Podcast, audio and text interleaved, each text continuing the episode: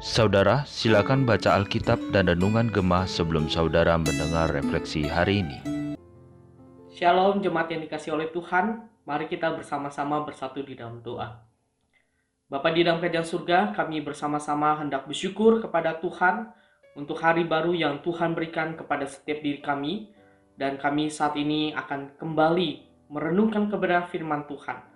Kiranya Allah boleh menolong setiap diri kami supaya kami dapat memahami kebenaran firman Tuhan dan melakukan apa yang Tuhan perintahkan, apa yang Tuhan katakan kepada setiap diri kami.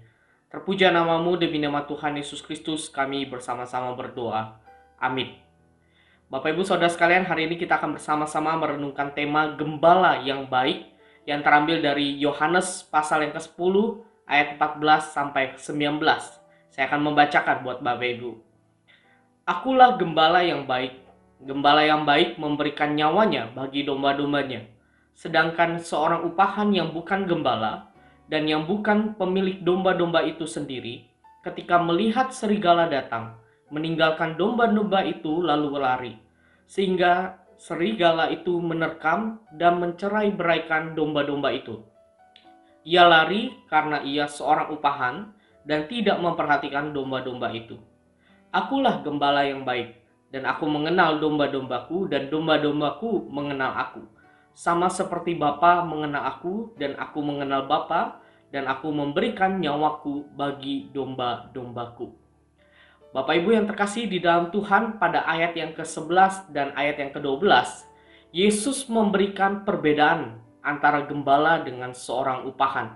Seorang buruh upahan melakukan pekerjaannya dengan menjaga domba dia bekerja untuk satu tujuan yaitu mendapatkan uang.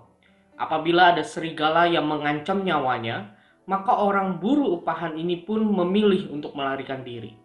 Berbeda dengan sang gembala yang memiliki domba-domba itu. Apabila ada serigala, maka sang gembala memberanikan diri untuk mengusir serigala.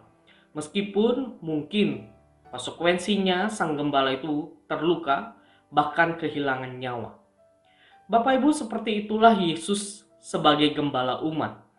Dia datang ke dalam dunia ini bukan semata-mata melakukan pekerjaan seperti orang upahan yang tadi saya jelaskan.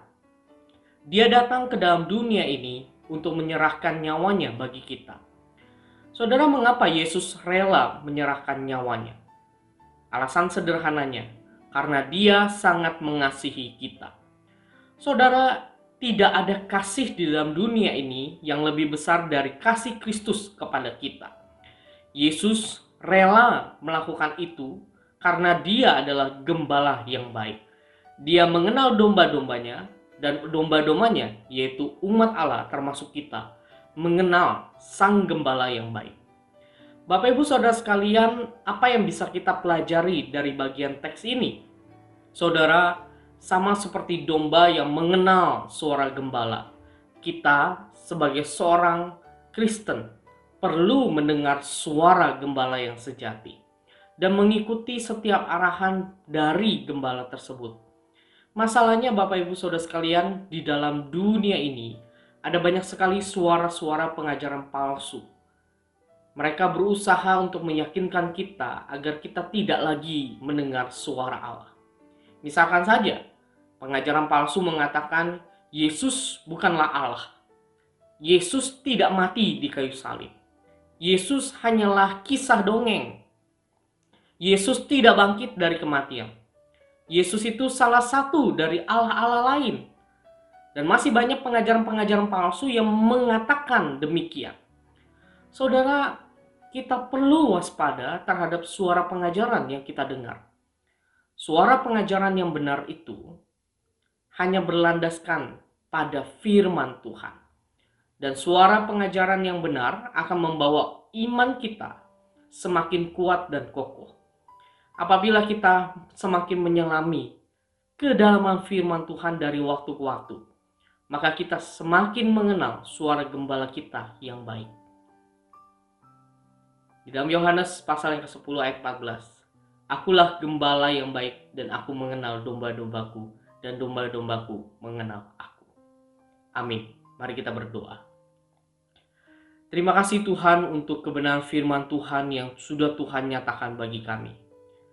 Engkau adalah gembala kami yang baik, yang memberikan tuntunan dan arahan hidup yang benar. Kami sadar di dalam kehidupan kami ada banyak pengajaran-pengajaran palsu. Mereka sepertinya gembala-gembala, tetapi mereka menyesatkan setiap orang-orang yang mengikutinya. Oh Tuhan, kami memohon kiranya hati kami hanya terpaut kepada Engkau, kami mengikuti Engkau sebagai gembala yang baik. Terima kasih untuk kebenaran firman Tuhan yang boleh kami renungkan.